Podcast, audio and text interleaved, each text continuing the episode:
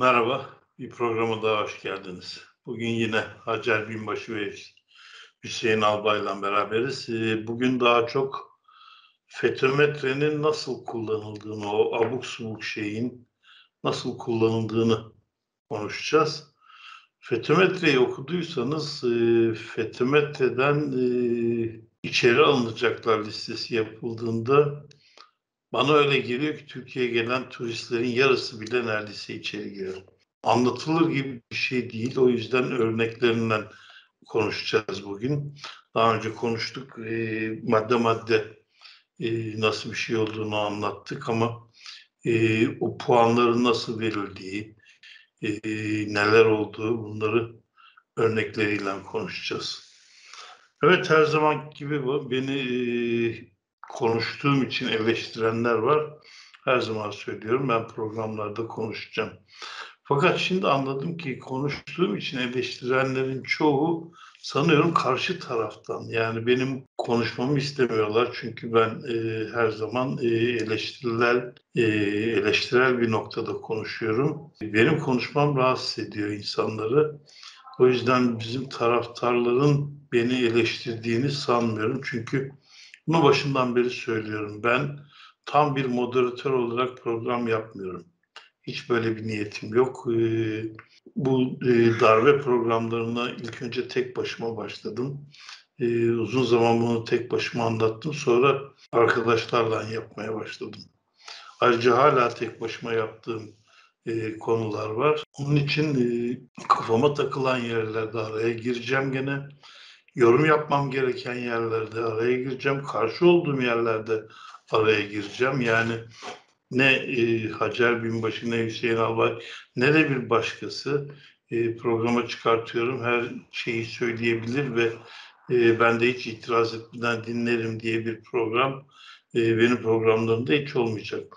Bu onlar için de geçerli. Benim her dediğimi baştan sona kabul edecekleri bir program olmayacak e, zaten herkesin birbirini onayladığı bir programı da yapmanın hiçbir anlamı yok. O zaman biz size hiçbir şey vermiyoruz demektir. Evet, e, dediğim gibi fetometri denilen saçmalığın nasıl uygulandığını konuşacağız. Daha önce maddelerini konuşmuştuk. Evet Hüseyin abi önce e, sizden başlayalım. E, ne kadar e, fetometreyi e, anlatabilirsin. Bize daha önce ciddi bir program yapmıştık e, bu konuda. Bir giriş olarak bir açabilirsen ona göre ondan sonra Hacer Binbaşı bize e, pratiklerinden anlatsın. Tabii önce nasıl kovulduğu da önemli. E, askeriyeden nasıl ayrıldığı da önemli. E, eşiyle birlikte. Evet, söz sende Hüseyin abi. E, fetometreyi ben kısaca e, bir soykırım suç aleti olarak tanımlıyorum. Evet. Yani insanları e, zaten bunu e, fetometrenin reklamını yaparlarken yaptıkları haberlerde, açıklamalarda kullandılar. Dediler ki bir tespit ve imha stratejisi dediler. Tespit ve imha stratejisi bir askeri tabir. Olay şu, e, bizim savaş gemilerimizde zaten bunu cihat yağcının e, ürettiği buradan anlaşılıyor. Deniz kuvvetleri çalışanlarının e, ürettiği de buradan anlaşılıyor. E, bizim savaş kontrol sistemlerimiz var. O sistemlerde e, radar ekranlarında operatörler bir hedefin paternini takip ederler.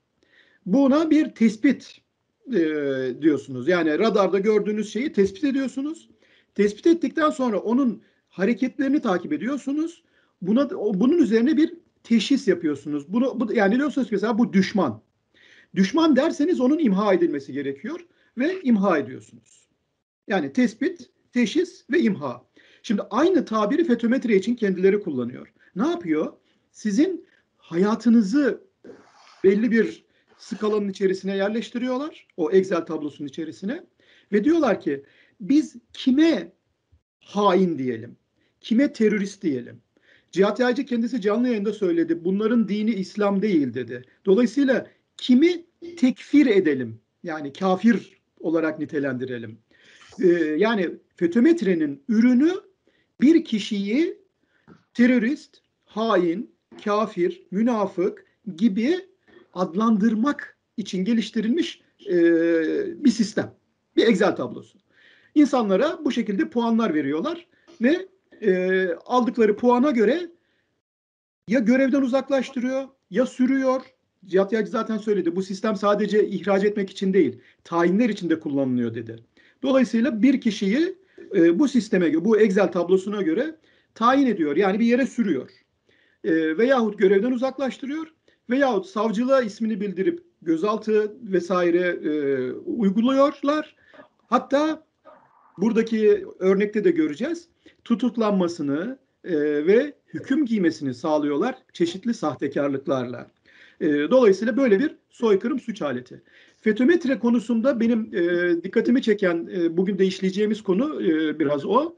E, ne zaman 22 Mayıs 2020'de Yavuz Selim Demirağ e, bir köşe yazısı yazdı. Ve şöyle diyor, FETÖ-METRE denilen şey için bir, tamamen akla ziyan, e, bilimsellikten uzak bir uygulama. Burada şu kriterler var ve değişken kriterler. Yani diyor ki mesela burada şöyle demiş aynen. Siz bu satırları okurken bile bir kriter çıkarılıp bir başka kriter eklenmiş olabilir. Yani FETÖ-METRE böyle bir şey. Ee, örneğin özürlü çocuğu olması bir kriter. Örneğin üç çocuğu olmak da bir kriter. Örneğin hakkında FETÖ'den ya işlem... Çocuğu Erdoğan istiyor. Zaten Erdoğan baş FETÖ'cü oluyor o zaman. Şimdi, Şimdi- ben şunu soracağım sana. Yani beraber inceledik, e, konuştuk, tartıştık. Ee, mesela şöyle bir şey var. Yani Türkiye'de bu çok olan bir şey. Ee, kökeninize indiğinizde çok ciddi akrabalarınız vardır. Ama onları hiç görmemişsinizdir. Fakat bu FETÖ-METRE akrabaları da izliyor. Ona göre de karar alıyor Evet. hi- hiç tanımadığım akrabadan dolayı FETÖ'cülükten bunların hepsini tırnak içinde söylüyorum. Aynen öyle. FETÖ'cülükten suçlanıp e, her türlü görevden alınabilir. Bu açıdan baktığımızda Türkiye'den yani Türkiye'de bu işten yırtacak bir kişi var mı acaba? Bu işten yırtacak hiçbir kimse olamaz. Hiçbir insan evladı olamaz Yani böyle bir bütün şey. maddelere baktığında e, bu işten yırtacak hiç kimse yok. Zaten bu bir döngü. Yani bir tanesi başladı ya, arkasından öbürleri başlıyor. Döngüsel bir şey bu. Şimdi mesela tekrar o şeye devam edeyim. Ee, diyor ki hakkında FETÖ'den işlem yapılmış yakını olmak. İşte dediğiniz madde. Yani birisi hakkında işlem yaptınız ya. E, onun yakını. E, Türkiye'de herkes birbirinin soy bağlısı olduğuna göre dolayısıyla siz kaç tane insanı öldürmek istiyorsanız bunu o kadar genişletebilir ya da daraltabilirsiniz. Şimdi e, diğer bir konu bu Yavuz Selim Demirağ Nevzat Taşdeler meselesine de getiriyor konuyu ve diyor ki işte kendi amiri olan Nevzat Taşdeler'in ve diğer birçok masum subay ve assubayların demir parmaklıklar ardına gönderilmesideki Cihat Yaycı'nın maharetini de unutmayalım diyor. Neydi oradaki mevzu hatırlarsanız? Nevzat Taşdeler Nevzat Taşdeler'i arıyor kendi amiri Cihat Yaycı. Adama hiçbir şey söylemiyor ama yemliyor onu. Standart o gecenin uygulaması. Yani e, şey e, hani FETÖ-METRE'nin uygulaması ve FETÖ-METRE'yi icat eden şahsın Türk Silahlı Kuvvetleri'nde kendi komutanını ve kendi mahiyetini pusulaması ki bu bizim gözümüzde vatana ihanettir. Yani somut vatana ihanettir. Onun neticesinde de Nevzat Taşdeler e, 1800 gün, e, 8 gün şey yaptı, e, hürriyetinden mahrum bırakıldı, ihraç edildi, terörist vatan haini damgası yedi. Ha, daha sonra bir kayırma mekanizması e, yürürlüğe sokularak o kurtarıldı. Ama onun emri altında kapıları kilitlenmiş kapıların ardındaki çocuklar da ertesi gün otobüslerle işkencelere götürüldü. Zaten FETÖ-METRE'nin sonucunda, o hesabın sonucunda sizin ne kadar işkence göreceğiniz de ona göre belirleniyor. Yani evet, e, Ha- Hacer Binbaşı da Bunun, bunun, bunun dünyada örnekleri var. Amerika'da McCartney döneminde komünistlerin e, araştırılması bu şekilde yapılıyor. E, Ronald Reagan o sırada kovboy filmlerinde oynayan ve çok kötü bir aktör. E, Ronald Reagan e, bir sürü oyuncuyu e, ihbar ediyor ve sonunda e, Amerika başkanı oluyor. Yani bir ödülünü alıyor Ronald Reagan. Anthony Quinn'a kadar Komünist Parti üyesi e, oyunculardan kimler varsa hepsini e, ihbar ediyor. İşte Kayseri'den giden Elia Kazan e, uzun yıllar Amerika'da film çekemiyor. E, bunlar onun dönemi. E, Hitler döneminde işte ta e, iş öyle bir noktaya geliyor ki e, postanedeki çalışanların e, iki ya da üç kuşak öncesine kadar Ari ırkından gelip gelmedikleri araştırılıyor. Şimdi zaten bu fetometre aynı o Yahudilerde kullanılan hani kafatası yapısı, burunu burun metre, gözleri arasındaki mesafe, kulakları vesaire aynı o onun gibi yani. E, tabii burada şöyle yapılıyor bu 21. yüzyılın hani dijital kodlamasıyla yapılıyor. Ruanda soykırımında kullanılan yöntem fiilen şu an fetometrede kullanılıyor. O da o soy bağları. Orada evet. şu an hatırlamıyorum Tutsilerle bir şey vardı galiba.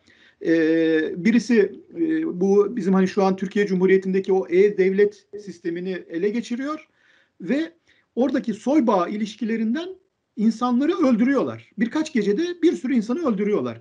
Şimdi burada yapılan ise insanı dijital alanda kodlamak ve sosyal anlamda, siyasi anlamda, medeni anlamda, insani anlamda, yargı önünde, vatandaşlık anlamında öldürmek. Ve evet. Cihat Yaycı bu çıktı canlı yayında dedi ki bu iki nesil sürecek dedi. Şimdi evet. bu soykırımın en büyük itirafı zaten. İki nesil sürecek bir ya hatta polis akademisinde yapılan bir çalıştayda nesillerle savaş denildi. Yani bakın e, şey bunlar hep soykırım suçunun yani soykırım kastının itirafı. Peki bu listeler nasıl oluşturulmuş veya bu algoritma? E, geçen programda paylaştı işte Pınar Ertürk ne diyor? Biz oturduk listeler yaptık diyor. Ne bileyim Kıvanç Kırmacı. Kıvanç Kırmacı. Onu biz zaten Pınar Ertürk değildi o. Kıvanç Kırmacı söyledi. Hayır, ama Pınar Ertürk ne dedi? Bizim listelerimizde He, e, sen dedi. olmadığın için dedi. Hı-hı. Bu zaten bir, liste, bir takım listelerin yapıldığının itirafı oluyor. Maalesef. Anlatabiliyor muyum? Evet. Evet Hacer Binbaş söz sende. Şimdi e, ilk başta Cihat Yağcı ile açtıysak konuyu benim de e, onunla alakalı söylemek istediğim bir şey var. Hani konuşmuştuk 15 e, Temmuz'dan sonra işte personel çağrıldı, e, otobüslere bindirildi vesaire vesaire. Herkes böyle o gece nerede olduğunu, anasını, babasını, bütün her şeyin detaylı bir şekilde yazdı. Gittiği ilkokula kadar her şeyi yazdı detaylı bir şekilde. Ama arkadaş 18 Temmuz oldu, 19 Temmuz oldu. Cihat Yağcı ortalıkta yok. Sonuçta e, Harp Akademileri Komutanlığı bağlısı bir komutan yani bu adam değil mi? Yok. Cihat Yağcı piyasada yok. Hiç Birlik kimse komutanı. bilmiyor. Birlik komutanı. Adam yok. E sen birliğe gelmemiş e, diye bilmem ne diye bütün milletin şeceresini çıkarıyorsun. Bu adam ortalıkta yok. Sonra vallahi çarşamba günü mü o hafta, perşembe günü mü tam emin değilim. Yanlış bir şey de söylemek istemiyorum. Cihat Yaycı ortaya çıktı ama nasıl? Sanki böyle Texas'ta kovboy filmi çekiliyor. Arkadaş iki tane silah takmış. Korumalar falan işte şey e, Emir Assubay'ı bilmem ne etrafta. Böyle bir önüne bakıyor bir arkasına bakıyor. Garip garip hareketler falan giderken işte saldırıya uğrayacakmış. imajı çok böyle bilmem neymiş falan. Ya komik hareketlerdi, büyük hareketlerdi bunlar. Ama yok yani. Hani işte o gece mesela çok ilginç çağrıldılar yani Deniz Harp Akademisi'nde bütün herkes çağrıldı hatta kara havada. Ama öğretim üyesi olarak görev yapan e, Erdinç Altıner, ondan sonra Ay, e, işte şey e, Aydın Sezenoğlu. E, bu adamlar gelmedi. Kimse ona hesap sormadı. Onlar o formları da doldurmadılar. Neredelerdi, ne yaptı ama sonra öğrendik. Erdinç Altıner kendi ağzıyla söyledi. O gece soğuk birasını almış. Lojmanda kalmamış o gece. Soğuk birasını içerken keyifli olayları izlemiş. Yani nasıl bir keyif bilmiyorum. Nasıl bir kafası var. Sonra neyse işte bu e, herkese soruldu neredeydiniz, ne yaptınız vesaireler falan filan. Ondan sonra bir e, baylok, kırmızı bir baylok olayı patladı. İşte baylok kullanmış, işte FETÖ'cülerin bilmem ne, şey, ne şeyimiz falan, iletişim cihazıymış, oymuş buymuş falan filan derken. E, bu kırmızı bayloklar tutuklandı. Ondan sonra bu 17 Aralık'ta işlem yapılan 530 kişiye ilişkin baylok kullanımı diye hani bir, bir şey geldi. İşte ilk başta deniz kuvvetleri kendi bağlarına bu adamları e, suç duyurusunda bulunun dedi. Bazı birlikler bulundu, bazı birlikler bulunmadı falan filan. Sonra en sonunda toptan e, Deniz Kuvvetleri Komutanlığı Personel Başkanı Cihat Yaycı sadece Deniz Kuvvetleri Komutanlığı personeline değil, karacı, havacı, jandarma ne varsa o 530 kişiye için hakkında suç, suç duyurusunda bulunmuş adam. 17 Aralık'ta herkese operasyon yapıldı. İşte bizim kapılar böyle kırılırcasına açıldı bilmem neler falan filan böyle. Hani böyle şeyle girdiler, terör timiyle girdiler. Şu Rayna baskınını yapan adamın evine nasıl giriyorlarsa bizim evleri de baya baya öyle girdiler yani. Neyse onlar çok detay girmek istemiyorum.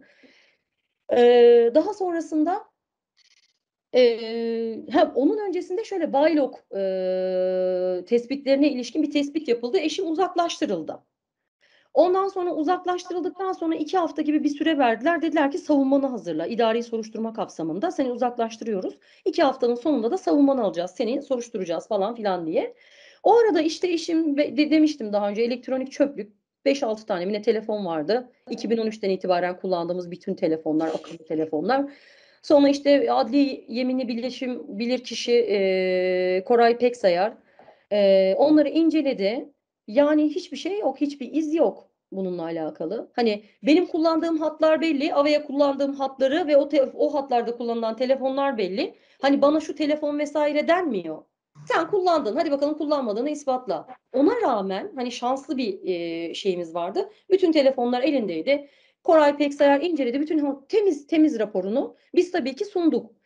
İdari soruşturma heyetinin başında Deniz Harp Akademisi Komutanı Kıvanç Kırmacı. Pardon özür diliyorum. Bu suç duyurusundan önce mi oluyor? Önce suç duyurusundan önce oluyor bu. Tamam. Bu olay. Orada ben biraz hızlı gittim ama bu olayı anlatmam gerekiyor. Çünkü şöyle e, idari tahkikat e, neden yapılıyor?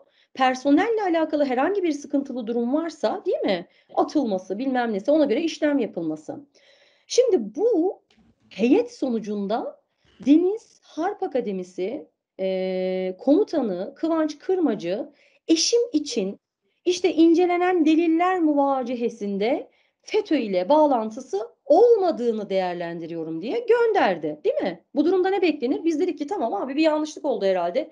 Geri e, göreve geri iade edilecek. Normalde uygulanması gereken prosedür bu. Ondan sonra e, çat uzatma uzatıldı. Ulan dedik hani ne oldu ne oluyor falan filan demeye kalmadan beni e, uzatma, beni görevden e, el çektirdiler. Daha doğrusu beni e, uzaklaştırdılar. Benim uzaklaştırılmam tam bir fecaat. E, şimdi ilgi ile bildirilen e, yazı ile bahse konu personelin Baylok ile alakası olduğu değerlendirilen personel ile ilişkisi olmaktan dolayı. Abi yani bu nasıl bir şey lan? Ben şimdi dedim ki ben anlamadım. Hani kimdi bizim o zaman öğretim başkanı, vekili? İşte gene Ergenekon balyoz davalarında e, yargılanmış olan bir albayımız Murat Albay. Soyadını hatırlamıyorum. Murat Albay hani e, hukuki anlamda hırpalandığını ve mağdur olduğunu iddia ediyor ama benim önüme böyle bir şey koyabiliyor ya uzaklaştırma için. Ben dedim ki ilgiyi görmek istiyorum. Ben anlamadım bana anlatın dedim. Ben mi baylok kullanmışım? Benim suçum ne? Ben görevden neden uzaklaştırıldığımı anlamadım. 3 saat anlatmayı denediler. Tabii ki anlatamadılar. İşte imzalaman gerekiyor Hacer uzatma lütfen yorma bizi bilmem ne falan filan. Ya yorması mı var? Bana ilgiyi göstereceksin fotokopilerini de istiyorum. Yarın öbür gün benim dedim hukuki anlamda dedim tabii ki dedim davalar açacağım dedim bu işlemleri yapan herkese. Bana ne fotokopi verdiler ne bir şey verdiler. Vallahi bekledim bekledim hiçbir açıklamada olmadı. Ondan sonra attım imzayı verdim silahımı falan filan. Sonra işte ben de bir saniye bunu bir tercüme edelim ne olduğunu. Yani şimdi olmayan Baylok'u var gibi gösterip emrediyor Deniz Kuvvetleri Cihat Yaycı. Diyor ki bu adamda Baylok yok ama ben var diyorum. Siz de benim bu yalanıma istinaden bu adamı görevden uzaklaştırın. Hı hı. Deniz Harp Akademisi komutanının onun memuru olmamasına rağmen bu yasa dışı emre itaat edip kendi personelinin hukukuna tecavüz ederek onu görevden uzaklaştırıyor. Arkasından işte, yani e, görevden uzaklaştıran şöyle e, orada Kıvanç Kırmacı'nın herhangi bir şeyi yok. Tamam yani, problem yok ama 15 gün uzaklaştırıldı. Şeye istinaden uzaklaştırma emri onlar tarafından veriliyor veya orada biraz şey var. Konusu. Bir saniye. Burada anladığım kadarıyla biraz şey var ya. Eş durumundan. Tamam oraya geleceğim işte. Ha, Şimdi benim eş durumundan. E, sonuçta kocasını görevden uzaklaştırdılar. Kocası zaten yani masumiyeti ispatlamak diye bir şey yok da Baylok'un Baylok iftirasının yalan olduğunu zaten ortaya koyuyor. Buna buna rağmen kalkıp Evet. diyorlar ki böyle kurdukları cümleye bakın. İşte Baylok olduğu değerlendirilen yani aslında Cihat Yağcı'nın yalanı. Baylok olduğu değerlendirilen kişiyle iltisak. Yani bu insanlar evlenmişler, bir aile müessesesi kurmuşlar. Bu insanlar arasında bir karı koca evlilik so- bağı oluştuğu için ben kocasına böyle bir iftira attığım için karısını da terörist ilan ediyorum. Yani Aynen. Türkçesi bu mevzunun. Öyle. Ve buna Evet. da evlilik bağı demiyorum da iltisak diyorum. Evet. Yani bu Tabii, tabii, sahtekarlık iltisak. Aynen bu. öyle. Kullanılan kelime aynen böyle. Sonra e, ben uzaklaştırmadayken eşim de uzak. 17 Aralık'ta evimiz tabii basıldı. Orhan'ı aldılar gözaltına falan. He söylemeden geçemeyeceğim. Hani böyle insanların şey demesini istemiyorum. Bir taraf yok. Ergenekon balyozcu taraflar biz gibi öyle bir şey söylemiyorum. Ben yaşadıklarımı anlatıyorum. Mesela benim amirim e, Kıvanç Kırmacı da Ergenekon balyozcuydu. Ferhat Çolpan da Ergenekon balyozcuydu ama o gece benim e, o sabaha karşı benim evim basıldığında benim yanımda bir tek Ferhat Çolpan vardı. Bir de çapraz komşu, komşum vardı benim ya.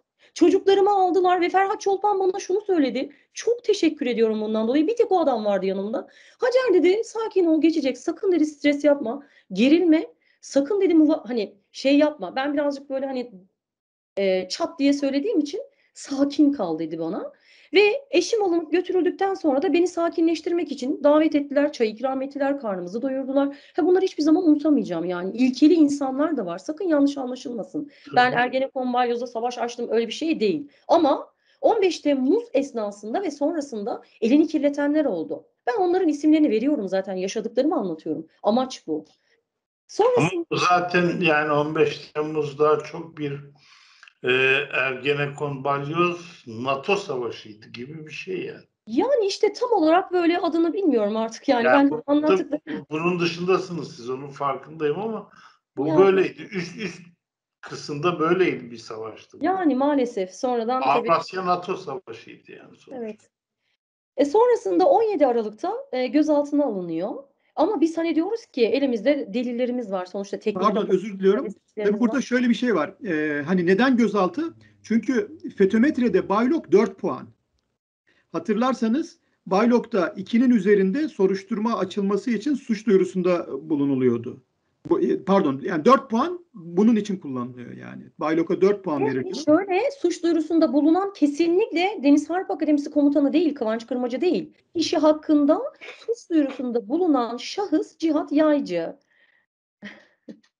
Bu, bu her an doğum yapabilir de onun için çok Ay gerçekten çok güzel maşallah çok tatlı.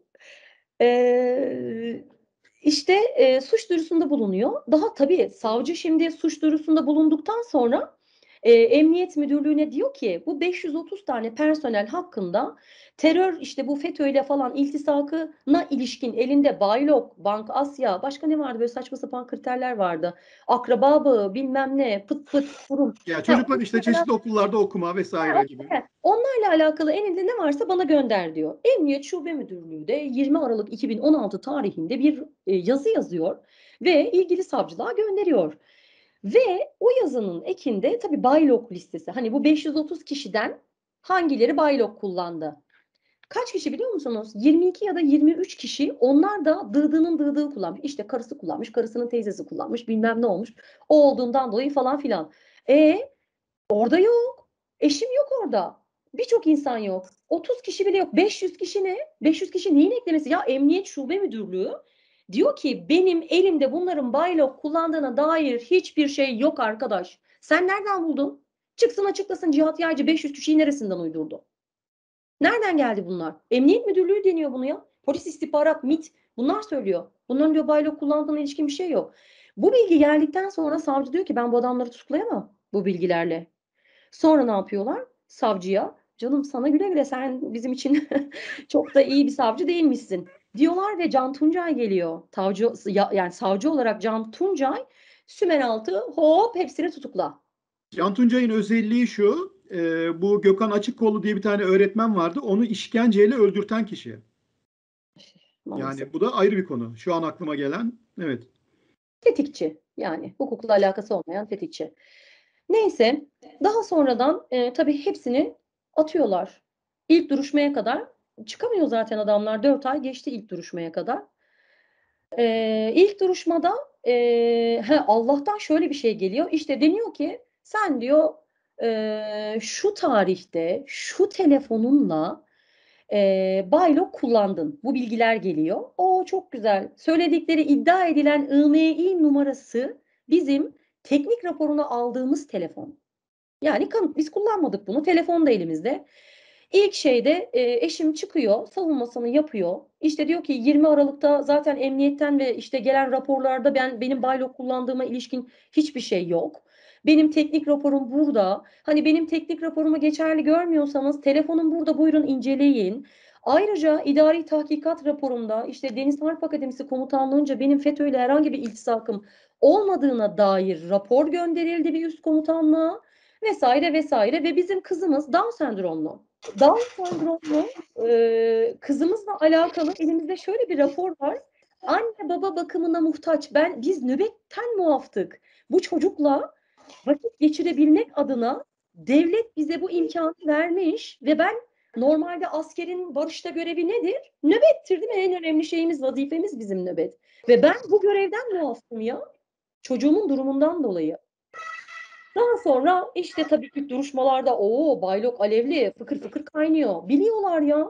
Biliyorlar kullanmadığını salmadılar. Dediler ki işte yazalım bakalım gerçekten böyle bir raporu var mı? İşte Deniz Harp Akademisi Komutanlığından isteyelim bakalım gerçekten böyle bir e, tahkikat yapılmış mı vesaire diye ikinci celse yani 7 ay yattı benim eşim. Ya teşekkür ediyorum. Dediğim gibi ilkeli adam Kıvanç gönderdi. Delikanlı gibi altına imza attığı raporu da gönderdi. Çocuğumuzun durumu vesaire çıktık biz. Ama bunun öncesinde bu Baylok hikayesi başlamadan önce şimdi bu fetometre kriterleri, engelli çocuğu olma durumu var. Orayı da anlatmak istiyorum çok ilginç bir şekilde. İşte böyle en cafcaflı zamanlarda insanlar birbirlerinin tepkilerine bakıyor. Üzülüyor musun, seviniyor musun? Saçma sapan bir ortam, kaosta. Birlikte çalıştığımız bir memur gelip dedi ki ya Hacer Yüzbaşım dedi o zaman yüzbaşıydım. Size bir şey söyleyeceğim ama dedi e, üzülmenizi istemiyorum ama bilmeniz de gereken bir şey dedi. Hayırdır ya dedim ne oldu? Ya dedi şu anda tüm general rütbesinde Sezai Öztürk. Kıbrıs Türk Barış Kuvvetleri Komutanı şu an. Evet o zaman albay rütbesindeydi. Yaptığı verdiği hizmetlerden dolayı terfiyi aldı aldı artık inşallah göreceğiz onu da. Ee, Sezai Öztürk demiş ki hani şimdi bunlar çıkıp söylüyorlar da işte Türkiye'nin en zeki çocuklarını almışlar, yetiştirilmişler, bu okullara koymuşlar, dil biliyorlar, akıllılar, liyakat sahibiler falan da filan da atıyorlar atıyorlar. Ama sonra diyorlar ki bu insanlar ilkokul mezunu olmayan bir imamın peşinden gidiyor. Ne derlerse abileri ne derlerse yapıyor falan filan böyle bir iddia. Şimdi bu akıl ve mantıkla uyuşmayan bir iddia olduğundan dolayı bunu saçma sapan bir şeye bağlamak zorundalar. Boşta kalıyor çünkü. Hani. Ondan sonra Sezai Öztürk diyor ki ben bunun fikir babası olayım. Şimdi biz çok akıllıyız falan ya hani ama bir yandan da birilerinin arkasından gitmemiz gerekiyor. Kimyasal ilaç veriyorlarmış bize. Ve verdikleri bu ilacın etkisiyle de bizim çocuklarımız engelli doğuyormuş. Dedim bravo. Çok bilimsel harika bir açıklama. Yüzyıllardır Down sendromunun nedeni bulunmuyor. Sezai Öztürk bulmuş. Bununla alakalı çalışma yapsın, yazsın, aydınlansın konular. Saçma sapan deli saçması şey böyle manyakça bir şey olur mu ya dedim. Bir, de bir, daha, millet- bir daha söyler misin bu tespitini Hacer? Bunu bir daha söyler misin? Bu geri zekalı çı- çıkıp yani binlerce yıldır çö- çözülemeyen Down sendromunun arkasına bir ilaç koymuş. Bunun için tekrar aynı cümleyi kurabilecek miyim bilmiyorum. Hazırlıklı konuşmuyorum çünkü. Ama Bence zorlama. Ee, vallahi billahi ben söyledim. Bunu da görmek istiyorum. İnşallah dedim inme iner ona. 8 sene bilinci açık bir şekilde yatalak kalır. Ve her üzüldüğünde, her pişman olduğunda bu lafını hatırlasın. Bir insanı birincisi evet benim çocuğum Down sendromlu gurur duyuyorum onunla. İyi ki olmuş, iyi ki oldu bu şekilde olmuş. Çok şey öğretti bana. O kadar böyle savaşçı bir çocuk ki öğrenmek için o kadar çok şey veriyor ki bazı şeyler Allah'tan kabiliyet olarak geliyor. Ve insanlar bu e, şeylerin farkında değiller. Bu kazanımların. Kendi kendine yürümeyi öğrenmek mesela anlatabiliyor muyum? Konuşmayı öğrenmek. Bunlar çok güzel şeylermiş. Ama benim çocuğum bunu çalışarak elde ediyor ve çok daha değerli bu benim için. Kaldı ki e, hani e, he, ben bunu söyledikten sonra bayağı da bir giydirdikten sonra ay bunlar revize etme ihtiyacı duydular. Sezai baktı aa abi harbiden salak bir şey yani bu kadar da saçmalamayalım. E ne diyelim? Ha diyelim ki bu işte FETÖ'cü subaylar hamile kaldığında anne karnında engelli çocuğu olduğunu e, öğrendiklerinde Fethullah Gülen e, şey veriyor. Ne veriyorlardı ya bunlar? Fetva mıydı sir? Bir şey söylüyormuş bize. Söylüyor. evet. Talimat yani Talimat. şey-? Özgür Özel dedi ya talimatla hamile evet. kalıyorlar dedi. Tamilatle talimatla hamile kalıp talimatla çocuk aldırıyoruz ya da aldırmıyoruz. O kararları Fethullah Gülen veriyormuş bizim hakkımızda. Maşallah çok güzel. Anne karnında öğrendikten sonra çok günah bir şeymiş bu aldırılmaması gerekiyormuş. Biz de boynumuzu büküp kabul edip bu çocukları doğuruyormuşuz. Bu seviyeye geldi olay. Çok acı bir şekilde. Sonra ben bir gün öğle yemeğinde bu tayfa tarafından aynı masadaydık. Oturuyoruz, yemek yiyoruz. Bunlar işte bu e, önemli tespitlerini dile getirdiler. Beni yokluyorlar çünkü biliyorlar benim çocukluğumun, çocuğumun Down sendromlu olduklarını. Ağzından bir şey kaçacak diye. Ay evet ya Fethullah Gülen. Ya ama bakın Ahmet Bey 21. yüzyılda tartıştığımız konuya bakar mısınız? Karşınızda nasıl geri zekalı ve sapık bir güruh var. bir şey söyleyeyim mi? Hani çok duygusala bağlamak istemiyorum ama şurama bir ateş düştü biliyor musunuz? Gözlerim doldu. Yani hani bir insan evladıyla bu nasıl bir manyaklık ya? Söylenecek bir şey yok ki. Hani şu an bile ciddiyetimi çok zor koruyorum yani. Amirim vardı Ferhat Çolpan. Hani şey dediler tamam mı? Bu işte Harp Akademileri Komutanlığında görevli olup da işte hani darbeye karışan adamların ortak özelliği e, engelli çocukları varmış. Bundan çıkarım yapıyorlar. İşte engelli çocuğu olan kişi FETÖ'cüdür. Tamam mı? Bu. Olay bu. Kriter bu. Ben ne diyeceğimi bilemedim. Yutkundum. Dedim ki birincisi dedim. Ben dedim anne karnında çocuğumun engelli olduğunu bilmiyordum. Doğduktan sonra öğrendim. Çok merak ediyorsanız iki tane doktorum var. İlgili raporları alırım, ispat ederim. Bununla alakalı hiçbir sıkıntım yok. Hani siz bu kadar aşağılık bir şekilde saldırırsanız ben yine hani Baylok'taki gibi sunarım ben sana teknik olarak e, tıbbi raporla sunarım bunu. Kaldı ki dedim ben anne karnında öğrenseydim de ben çocuğuma kıyamazdım. Dört aylık öğreniyorsunuz çünkü. Ben Evet. onu sağ kurmuşum. Benim iki tane sağlıklı hani normal diye nitelendirdiğim iki evladım var. Allah korusun bir kaza geçirse ne yapacağım? Engelli olsa ben o çocuğu öldürecek miyim? Ben böyle düşünüyorum. He, aldı bununla bu duyguyla başa çıkamayıp aldıran insanları da asla suçlamıyorum. Bu benim düşüncem, benim seçimim. Benim kararım bu. İnsanlar hayatlarında kararlarıyla seçimlerim de vardır ve ben bu seçimimden memnunum, hiç pişman olmadım. Bunu söylerken e, ağlama noktasına geldim ve çok teşekkür ediyorum yine Ferhat Çolpan amirim. Hani e, vicdan sahibi bir insan dedi ki ya dedi abi dedi niye böyle diyorsunuz ki dedi yani. Sonuçta dedi bu adamlar kurmay ve dedi hani akademiye geldiğinde dedi bu şey bir rütbe yer değil yani hani böyle parlatılanlar çok iyi adamlar değil. İnsanlar en iyi imkanlar İstanbul'da olduğu için kariyerini bir kenara atıp evladı için İstanbul'a tayin ediliyor. Kurmay subayların da genelde görev yapılacağı komutanlık Harp Akademileri Komutanlığı. En akılcı, en bilimsel, en mantıklı cevap buydu. Ferhat Çolpan verdi bu cevabı. Ama işte dediğim gibi bazı ıı, kalın kafalılar anlamıyorlar bunu.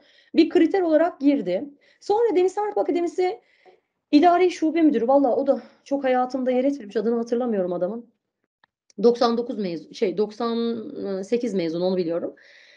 E, bu adam da çekti. Hani iyilik yaptığını düşünüyor büyük bir ihtimalle. Ya Hacer bak sizin bu kolayda hani uzaklaştırma falan olunca yani hani işte sizin çocuğunuz hani engelli ya bundan dolayı bir sıkıntı olabilir. Hani kriterler o zaman konuşuluyormuş insanlar hakkında. Biz bunu sonradan öğrendik. Ya ben de salak salak düşünüyorum. Ya neden olabilir ki yani hani benim engelli çocuğumun olmasıyla hani bu konunun ne alakası olabilir? İnsanım çünkü. Böyle düşünmek insana özgü. Hayvanlık diğer türlü. Hayvandan daha aşağı bir seviye. İnanılmaz bir şey. Anlatamam. Ya çok üzülüm, çok üzgünüm. Hani bu böyle saçma sapan insana evlatlarıyla e, şey yapması. Ama Sezai Öztürk'ü bekliyorum. İnme ineceğini düşünüyorum ona. Çünkü böyle e, haksız bir şey yapması hiç hoş değildi. İnşallah da iner ve ben o günleri görürüm. Senin durumunda çok çok subay var mı? Ya şöyle bir tane daha vardı. E, tersane komutanının eşi. O da 99'lardan kadının adı neydi ya? Onların da Down sendromlu bir çocuğu vardı biliyor musunuz? Ve o o kız da uzaklaştırıldı ama sonra Cihat Yaycı kefil olmuş onlara. Onlar FETÖ'cü değil diye. Cihat Yaycı'nın kefaretiyle geri döndü o göreve falan filan. Yani şöyle bir e, olay e, şimdi hatırladım ben. E, bir tane subay e, bu arkadaşın da eşi hamile e, ve şu an hatırlamıyorum problemi ama e, çocuğun e, yani birkaç dakikalık bir yerde bir hastaneye birkaç dakikalık bir yerde e, oturmaları gerekiyor. Acil bir durumda hani doğum için veya e, çocukla ilgili gelişecek hani bir kriz anında hemen hastaneye ulaşması için. Çocuk bunu e, kara kuvvetlerine bildirdiği gün veya birkaç gün içerisinde adamı oradan alıp başka bir ile sürüyorlar. Yani bu şu demek yani biz senin artık çocuğunu öldürmek istiyoruz demek yani. Bakın. Yani çok zaten işkenceler vesaire hep bunlar üzerinden yapılıyor. Yani e, çünkü insanlara e, şeyi e, teröristliği e, kabul ettirebilecek e, böyle kahpece başka bir nasıl bir yöntem var ki?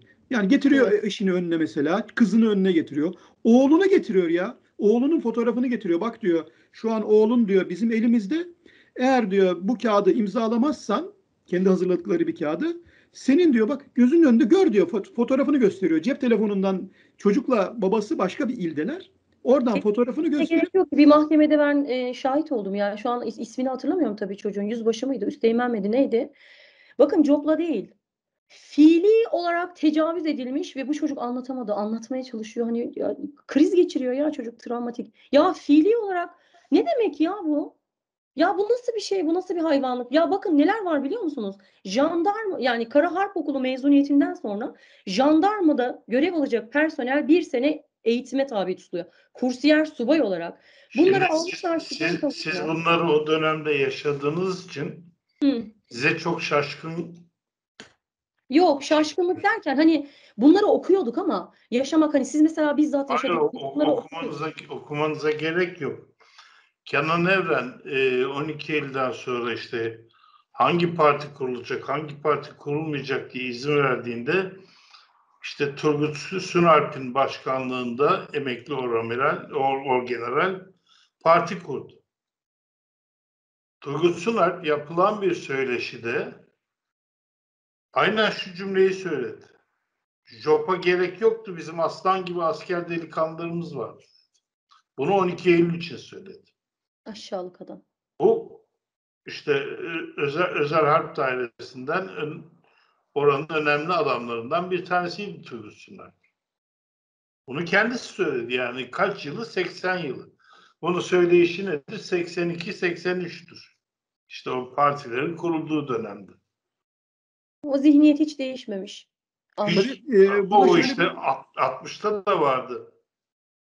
Belli bir e, daha doğrusu askerler bunu ilk defa yaşadığı için Evet. e, çok şaşkınsınız. Oysa bunu bütün darbelerde asker kendi yapıyordu, yaptırıyordu. Yani o çok e, kaliteli, e, çok e, yüksek seviyeli insanlar işte bu karacıları aldırıp ya bayanlar, erkekler fark etmez bayan erkek olması e, iç çamaşırlarıyla bıraktılar insanları. Ve ben size şunu söyleyeyim.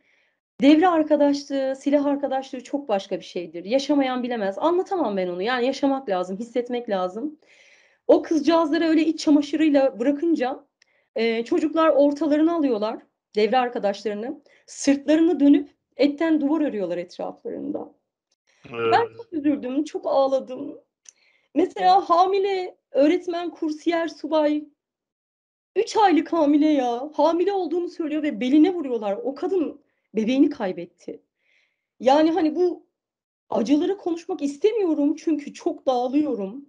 İnsanları evlatlarıyla, namuslarıyla ya ne demek ya? Tecavüz ne demek? Kaçıncı yüzyılda? Ya orta çağ karanlığı yaşıyor Türkiye ve kahraman olarak bize Kardak kahramanı olarak yutturulmaya çalışan adam sıfatıyla çıkmış diyor ki tabii diyor ama diyor tabii yanlıştı diyor ya göstermeyecektiniz diyor. Hani yapacaktınız işkencenizi ama bunları ekranlara yayınlamayacaktınız diyor. Adam bunu savunabiliyor ve alkış alıyor kahraman olarak ya.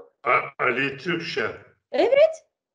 Şaşkınlık içerisindeyim. Alkış bir insan, insanlık onuruna yakışmayan ne olursa olsun suçu, herhangi bir şekilde müdahale, muamele edilirse edilsin, kim olursa olsun hiçbir insan evladı bunu alkışlayamaz.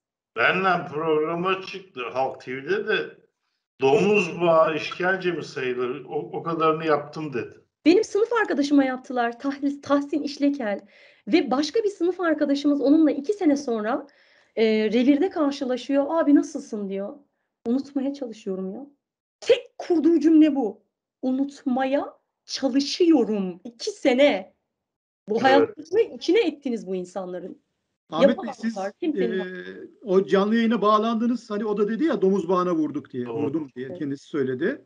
E, daha sonra onun o itirafına istinaden ben suç duyurusunda bulundum. Deniz Kuvvetleri Komutanlığı'nın bana verdiği cevap diyor ki e, Hüseyin Demirtaş yalan söylüyor diyor. Yahu Ali Türkçen çıktı dedi ki ben domuz bağına vurdum dedi. Yalan mı? Öyle demedi mi? dedi. Delikanlı Ali- bir açıklama yaptı. Ali Türkçe'nin kendisinin bütün kainata itiraf ettiği ben domuz bağına vurdum sözüne rağmen Deniz Kuvvetleri Komutanlığı resmi verdiği cevapta dedi ki Hüseyin Demirtaş yalan söylüyor. Böyle bir işkence vakası yoktur dedi. Yani Ali, Ali, Ali Türkşen gibiler, onun gibi çok var. Onlar kağıt üstünde emekli. Onlar hala e, devletin görevlileri. Hala bir takım şeyler yapıyorlar. Hatta e, bu aralarda meşgul olduğunu biliyorum Türkşen. Tabii Almanya'nın bütün sokaklarını dolaşmış, peyzajı hakkında bayağı bir övücü sözleri var. Evet. Evet. Yani sonra e, sonra bir de şöyle mahkemelerde çok komik şeyler var. Şimdi bu o 500 kişi toplanıyor. Hani 500 kişi alınıyor ya. Adama diyorlar ki bir tane var mesela Deniz Kuvvetleri'nde görev yapan personel isim vermek istemiyorum şu an. Diyorlar ki işte sen şu şu numaradan e, senin bu bu hattından baylo kullanmışsın diyorlar tamam mı? Adam ilk şeyde hani ilk e, duruşmada Ondan sonra diyor ki hakim bey diyor bu numara benim değil ki diyor. Ve ikinci duruşmada bu numaranın Aveya'da hiç kullanılmamış, böyle bir numara oluşturulmamış, böyle bir numara yok. Bu adam meğersem personel bilgi sistemine yanlış numara, sallama numara giriyormuş. Biz böyle personel bilgi sistemine bütün numaralarımızı giriyoruz. Ve nedense bütün bayloklarda bu numaralardan çıktı kardeşim. Çok komik yani. Adına kayıtlı olan olmayan kimisinin babasının adına kayıtlı falan filan. Ve saçma sapan olaylar. Sonra bu adam diyor ki benim numaram bu değil. Ben iki tane hat kullanıyorum. İki tane mi üç tane mi? Şu şu şu hatları kullanıyorum. Benim numaralarım bu diyor birincisinde. Sonra ikinci mahkemede şey diyor ki hakim işte sen diyor boş ver diyor o numara seninmiş değilmiş diyor önemli değil diyor. Şimdi diyor bu üç hattının işte ikisinde baylok çıktı onu açıkla bakalım. Şaka gibi. Sonra bu adamda Mor Bey'in e, çıktı. Hani Mor Bey'in çalışması oldu Koray Pekser vesaire bu Avia ile alakalı problemler vesaireler vardı. E, bir bırakıldı ondan sonra tekrar alındı falan. Böyle saçma sapan, ipe sapa gelmeyen iddialar, puanlamalar.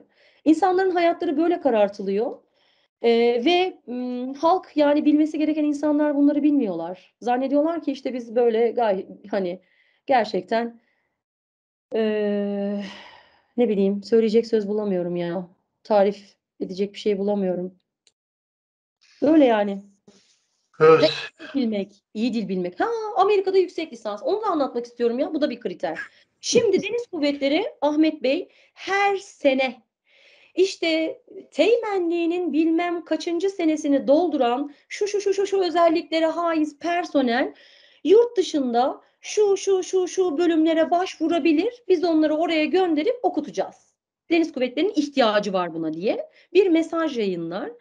Bu e, işte bu aşamada o eğer o kriterlere uyuyorsanız siz ilgili bölümlere işte GRE, GMAT sınavına giriyorsunuz. Hani bu diğer soruları çalıyordular ya bunlar. Bunlar çalınmayacak sorular canım. Bunlar Amerika'nın yaptığı sınavlar. Bu sınavlara giriyorlar adamlar. Amerika'daki üniversitelere bireysel olarak başvuru yapıyorlar, kabul alıyorlar. Kabulleriyle beraber Deniz Kuvvetleri'ne gönderiyorlar. Deniz Kuvvetleri hepsinin bir puanı var işte. E, yani hani işte e, üniversiteden kabul bilmem kaç puan, işte sicil sıralamasında şu olmak, bu olmak, işte not ortalaması işte 3 60'ın üstündeyse mesela Kimisinin 3.90, kimisinin 4.0 falan filan. Ondan sonra sıralama yapıyorlar. E, kontenjan kadar adamı yurt dışında okumaya gönderiyorlar. De- Deniz Kuvvetleri bunu senelerdir yapıyor. Bu 2003 falan değil, bayağı senedir yapıyorlar yani. E, şimdi Deniz Kuvvetleri'nin ihtiyacına binaen oraya gitmiş adamlar Deniz Kuvvetleri tarafından görevlendirilerek gitmiş ve yüksek lisans yapmış adamlar FETÖ'cü kriteri bu. Şaka mı lan bu? İşte Ha- Halis Albay'ın İngilizcesine takmışlar ya bu Orhan Ay- Aydın diye bir şaklaban gazeteci bozuntusu var. Ee, onu da söyleyeyim o tiyatrocu Orhan Aydın değil. Geçen gün ona hücum etmişler ben bir program yaptım diye. Ee, o beş komutana e, kafayı takmış öyle bir program yapmış. Ee, beş komutanın biri Halis biri Hüseyin. Ee, Halis Albay ve Hüseyin'den bahsederken bilhassa Halis de beni de e, aklı sıra iyice bir ifşa etmiş. Halis'in e, ilk önce İngilizceden işte 6 ya da 60 aldığını sonradan nasıl 80 aldığını yani bir insan şey gibi o kadar bir zeka var ki 60 aldıysa ömür boyu 60 alacak gibi bir zeka var bunlarda yani. Gelişim yok çünkü. Onlar Evet. 6 yaşında gelişimini tamamlamış durmuş. Bir daha gelişmemişler. Herkes öyle zannediyorlar ama öyle Evet, değil. yani şey gibi bu yani adam atıyorum 5 yıl ikinci katta oturmuş başka bir yere üçüncü kata taşınmış üçüncü katta oturuyor şimdi gibi bir şey bu yani bu kadar komik yani insan daha iyi bu pratik meselesi bu konuşma meselesi Amerika'ya gitmiş yapmış etmiş yani sonuçta Şimdi, Ama şimdi onu var. Ben e, pardon bölüyorum. Hani siz dediniz ya bu gelişim olayı. Şimdi Erdinç Altıner, Aydın Sezenoğlu, Deniz Harp Okulu falan Deniz Lisesi okumuş bu insanlar. Deli gibi İngilizce eğitim almışlar bunlar. Hazırlıklar görmüşler, vesaireler görmüşler. Ondan Şöyle sonra şöyle orada bir düzeltme yapayım. Ee, Erdinç Altıner'i hatırlamıyorum ama Aydın Sezenoğlu kabak. Yani Kabak kabak, mı? dediğimiz şey. E. E ben de kabağım. E benim de KP, ben Yok, hazırlık. ayrı konu canım. Ben Yani- Amerika'da yüksek lisans ben de yaptım. Şöyle Ama- sa- sadece şeyini söyleyeyim. Yani Deniz Sesi hani Aydın Sezenoğlu Deniz Sesi okumuyor. Neyse sonuç itibariyle şöyle İngilizceleri yok. Bu ne demek? Abi sen kurmay subaysın ya. Git bir İngilizce kursuna bir İngilizce öğrenemiyorlar İngilizce. Şimdi kendileri gibi zannediyorlar insanlara. Öğrenemiyorlar zannediyorlar. Yok yani. Halbuki öğreniyor. Bunlar çok Mesela ben de eskiden kurmayın İngilizce bilme mecburiyeti olduğunu zannederdim. Değilmiş meğerse. Me- Kuşkulu bir durum bu. Kurmay subaysın sen yurt dışı NATO görevine gönderileceksin. Ve şimdi şöyle diyorlar. Ay biz çok böyle e, mükemmel subaylardık. Bu FETÖ'cü subaylar işte kumpas kurdular bilmem ne yaptılar. Bizim gideceğimiz yurt dışı görevlerine gittiler. Ne alaka abi? Çıkar notunu lan. 50 bile yok notu. Öbür herif bakın Ahmet Bey e, benim e, eşimin devre birincisi. Adamın zaten İngilizcesi yüze yakın puanı. İçeride Almanca hani Almancayı temel seviyede biliyordu. İçeride arkadaş e, Almanca öğrendi. KPDS Almanca'ya girmiş. 90'a yakın puanı var. 90 mıydı öyle bir şey. Ben şu an hani girsem alamam o notu mesela. Hani anlatabiliyor muyum? Çok saçma. Bunlardan artık çok İşte sıkıldım. 15 Temmuz sonrası e, NATO'ya gönderdikleri, yurt dışına NATO'ya gönderdiklerinin büyük bir kısmı İngilizce bilmiyordu ve toplantılara da alınmıyorlarmış. Ay, Ben size söyleyeyim. Mesela bizim bir arkadaş var. İngiltere görevinden atıldı. Ee, ondan sonra orada kaldı. Tabii ki hani e, sevmişler adamı. Hani orada yap- görev yapan İngilizler. Telefon açıp şey demişler. Abi demişler ya bu sizden sonra gelen adamlarla alakalı çok büyük zeka problemi var. Dil problemi var. Mesela şey yerken popcorn yerken işte e, boğazına kaçmış Egypt Egypt demiş lan. Egypt Mısır ülke yani biliyorsunuzdur. İngilizce bilenler bilir. Popcorn olduğunu bile bilmiyor ya bu kadar yani. Ve bununla dalga geçiliyor NATO seviyesinde Türkiye'nin düştüğü durum kalite bu. O Egypt deyince zaten Erdoğan Mısır'dan bu ilişkilere girmiş olabilir. Yani oradan gelmiş olabilir. Evet. e, çok Şimdi bir şeye bakıyorum da e, şöyle bu Müyesser Yıldız'ın paylaştığı bir fişleme listesi vardı. E, o dosyaya bu mahkemede çıkmıştı. E, bu Biz insanlar bakarken bir de şeyi söylemek istiyorum ben. Orhan 7. aydan çıktıktan sonra 2017'nin Temmuz'unda çıktı. Ondan sonra 2018'de Nisan'da e, beni işte ben adres bildirmedim Ahmet Bey. Neden bildireyim? Bir kere beni bastılar. Çocuklarım perişan oldu. Şafları kaydı. Tekrar adresimi niye bildireyim ki? Neyse annemlere gitmişler. Beni arıyorlar gözaltı için falan filan. Ben biraz bekledim hani ne için arıyorlar, ne alaka. Sonra hepsini salmışlar falan. Neyse ben gittim Ankara'ya kendi ayağımla eee, ifade vermek için. Eee, neymiş? Eee, terör neydi? Örgüt evliliği miydi? Katalog evliliği miydi? Oymuş. Katalog, ha, katalog evliliği. He, katalog evliliği. Neyse işte biz orada bir tane eee, eee, şeyde terörle eee, mücadele şubede TEM'de Ankara TEM'de Selma'ydı galiba yanlış hatırlayamazsam bir komiser bayan. Eee, beni aldı ilk önce eee, ifadem alınmadan önce bir yoklama çekecek herhalde bilmiyorum niye öyle bir şey öyle bir uygulama var mı daha önce hiç gözaltına alınmadım. Dedi ki bana işte dedi eee, anlat bakalım dedi. Ne anlatayım dedim. Bildiklerini anlat. Hangi konuda falan filan böyle saçma sapan bir şeyler oldu falan. Sonra dedi ki bana çok ilginç bu. E ya dedi ben sana dedi bu soruları soruyorum dedi. Eğer dedi ben seni gözaltına aldırsaydım e, ya biraz böyle seviyesiz, seviyesizleşiyor ama kadının söylediği cümle bu. E, ben seni gözaltına aldırsaydım dedi. Senin dedi donunun rengine kadar bilirdim. Bu soruları sana ben sormazdım dedi. Seni dedi kuvvet gönderdi. Kuvvet gözaltına aldırmış beni. Ben de dedim ki ya dedim o kadar araştırma yapmanıza gerek yok. Zaten donumun rengini söyleseydiniz söylerdim ben size. Gerek yok yani dedim. Hani ne soracaksanız sorun bana. Ben cevap vermeye hazırım. Ya Deniz Kuvvetleri Komutanlığı ya kim oluyor? Hangi vasıfla, hangi sebeple, hangi tespitle beni ya suç duyurusunda da bulunmuyor. Sen bunu git gözaltına al. Böyle bir toplama şekli var mı? Neymiş? Örgüt evliliği. Adamın bir tanesine sivilin yurt dışından kaçırmışlar, basmışlar işkenceyi, basmışlar işkenceyi. Göya 320 kişinin adını şeyini, adresini, seceresini falan filan döşemiş. Benimkinin karşısına da terör örgüt evliliği yardırmış işte örgüt evliliği falan demişler. Ben dedim ispatlarım. Yani 3 sene aynı okulda okuduk vesaire ikna oldular. Ben hiç öyle savcı karşısına bile çıkmadım. Selma e, komiser işte çağırdı beni ifade alındıktan sonra. He, bu arada benim avukatımı yemlemişler. İşte seninkinin ifadesi uzun olur. 8 kişinin mi 10 kişinin mi ne ismini verdi falan filan diye. Avukat şok ya benim öyle bir şeyden haberim yok falan demiş. Ondan sonra öyle bir şey yok tabii ki. O çok yapılan bir şeydir de Şey de- neyse ki Ha, yani avukatı da ölçüyorlar yani. tabii tabii herkes yapar. Çok şaka, çok şaka gibi bir şey. bu ya. Arkadaşına yaparlar. Ha, yani onu da yaptılar, yemlemişler onu da öyle öğrenmiş olduk. Ondan sonra işte bu komiser bayan uğurlamak için çağırdı beni ifade alındıktan sonra. Ay dedi Hacer'cim dedi sen dedi kesinlikle dedi ne bu seriye mi prototipe uymuyorsun olamazsın dedi. Cemaatçi falan FETÖ'cü. İşte dedi hatta ben dedi savcıyı aradım dedim ki Vallahi savcı bey ben cemaate adam alsam bu karıyı asla almazdım dedi. O yüzden seni buradan salıyoruz dedi. Aa, falan. Arada bir ara böyle Erdoğan'a bir yükseldim muhabbet arasında. Sonra dur dedim ya daha yeni salınmıştın hakaretten girme içeri falan. Öyle hikaye bu yani hani ben öyle e, sonra normalde benim dosyamın hukuki kurallar çerçevesinde takipsizlik kararı verilip hop kapatılması lazım. Ne oldu peki? Can Tuncay'a postalandı.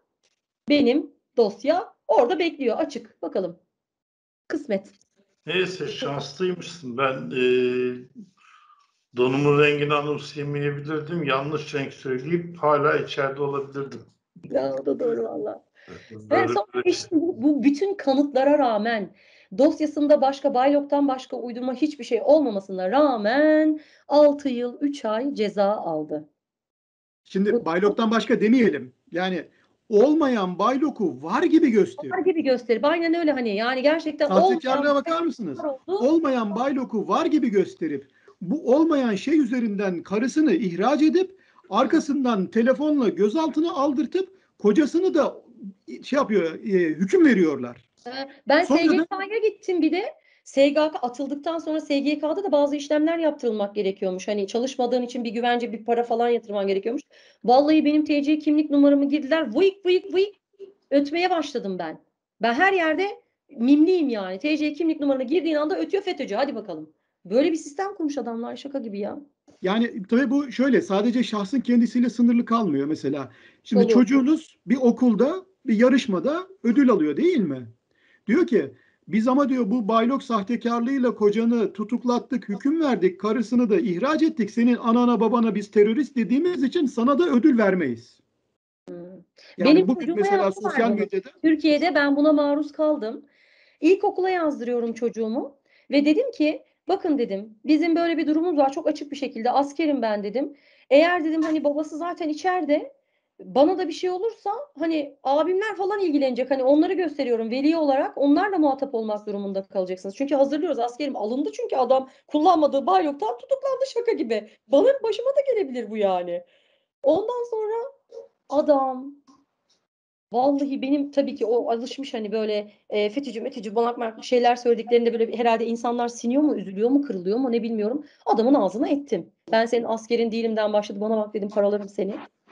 Benim çocuğumu en berbat sınıfa gönderdi ve gerçekten bir sürü sıkıntı yaşadık okulda. Bu adam yüzünden. Halbuki kendisi de bu e, cemaatin okullarına göndermiş çocuklarını kendi bokunu temizlemek için bize çamur atıyor. Böyle de bir olay var yani. Hani kod adı bile var ya. Kod adı, kod adı falan var ya. Anlı şanlı bir adam bu. Hacer'in gazına geldi. Tabii. Yani bu arada şu e, Erdinç Altıner'le ilgili diyor ya so- ben işte soğuk biramı yudumluyordum. Yani o geceyi şöyle şey yapalım. E, Bülent Bostanoğlu İspark'ta saklanıyor. Yalçın Payal, Uğur Çelik'ten bir tane bir yerde yatıyorlar. Cep telefonlarıyla oynuyorlar. İskender, Ayfer Tekin- İskender'i unutmayalım. O da merkez İskender Yıldırım gazoz gazoz Ayağında. içiyor, döner siparişi veriyor, bilmem ne yapıyor. Şimdi bunlar bize böyle hani e, kahraman diye pompalanıyorlar. Anlatabiliyor muyum? Öbür tarafta bu sahtekarlıklar saklanıyor. Arkasından bir sürü arka arkaya rakamlar.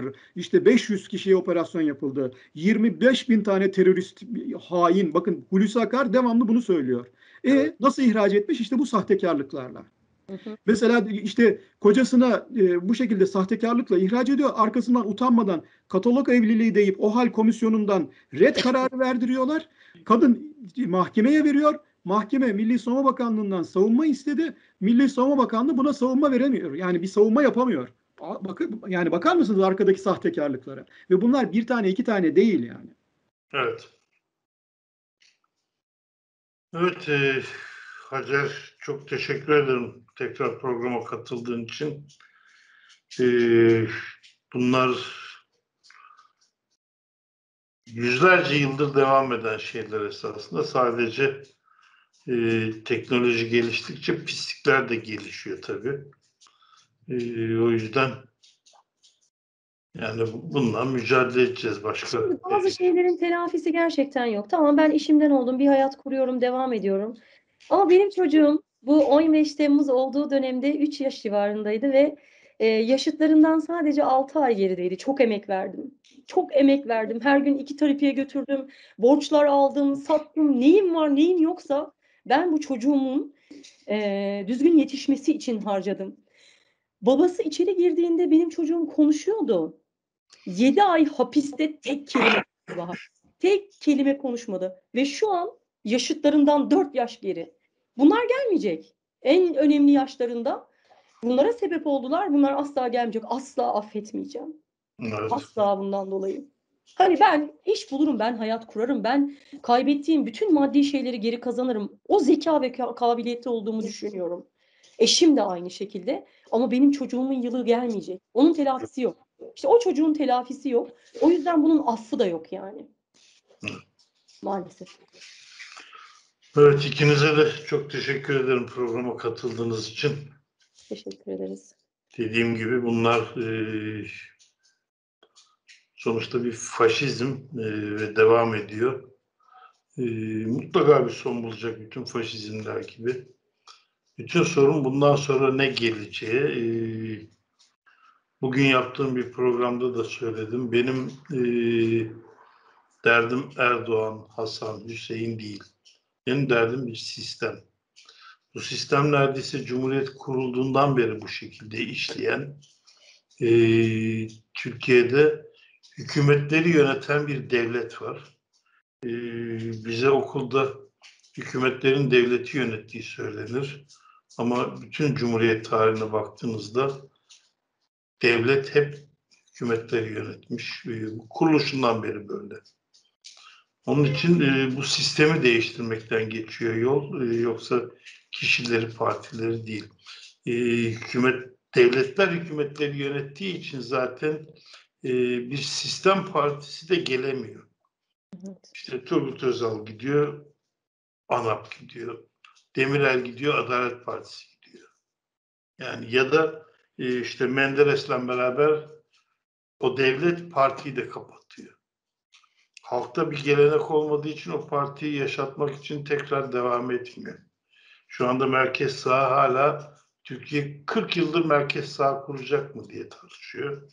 Halbuki merkez sağın kurulması için çok ciddi bir e, entelektüel sağ kitle olması gerekir. O kitle yok. Bu sosyal demokrasi için de geçerli. O kitle yok. Onun için e, bu şekilde devam ediyor. Yani sadece entelektüel şey değil yani insanlarda e, ahlaki değerler de çok yıpranmış. Ama bu işte hepsi beraberinde Hepsi gelen. beraberinde yani iç içe karışmış böyle hani bizim bir e, gerçekten o konuya da eğilmemiz lazım. Yani hani e, doğruya doğru, yanlışa yanlış. Eğitimsiz toplum bu, bu tip partileri merkez sağ, merkez sol, sosyal demokrat partileri kuramıyor. Ben işte ne bileyim ben e, oluşamıyor bir türlü oluşamıyor. Bunun nedeni de bu. Ama mevzu sadece siyasi partilerle sınırlı değil ki. Şimdi mesela biraz önce anlattığınız mevzu e, hatırlar mısınız? Ali Türkşen bir tane e, şey yayınla- yayınladı. E, infaz listesi yayınladı. Arkası 113 tane içinde kişi ve kurum vardı. Arkasından Oda TV onun içerisinden askerleri seçip benim ismim de onun içine koydular. Onlar ayrı bir infaz listesi yayınladılar daraltıp. Arkasından bu biraz önce bahsettiğiniz Orhan Aydın o infaz listesini 5'e indirip yayınladı ve şimdi siz mesela bu şeylerle uğraşıyorsunuz. Bu, bu yayınlanan e, yani E, şimdi Hüseyin ciddi bir- ciddi partilerin olduğu ülkelerde 27 Mayıs darbesini de yapamazsın, ondan sonrakileri de yapamazsın. Onun için Anladım, siyasi partinin çok önemi var. Ama siyasi parti senin zaten devlet tarafından kurulmuş birincisi. Ve o devlet geleneğiyle devam eden bir sistem. Bir de devleti kutsayan bir halk var. Tabii. O zihniyetin değişmesi lazım. Her şeyi baba olarak alıp devlet ana demiş.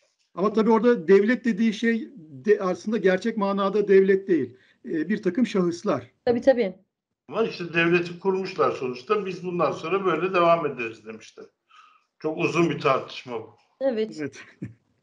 Evet tekrar ikinize de teşekkür ederim programa katıldığınız için. Tamam. Evet bir programın daha sonuna geldik. Bir dahaki programa görüşmek üzere. Thank you.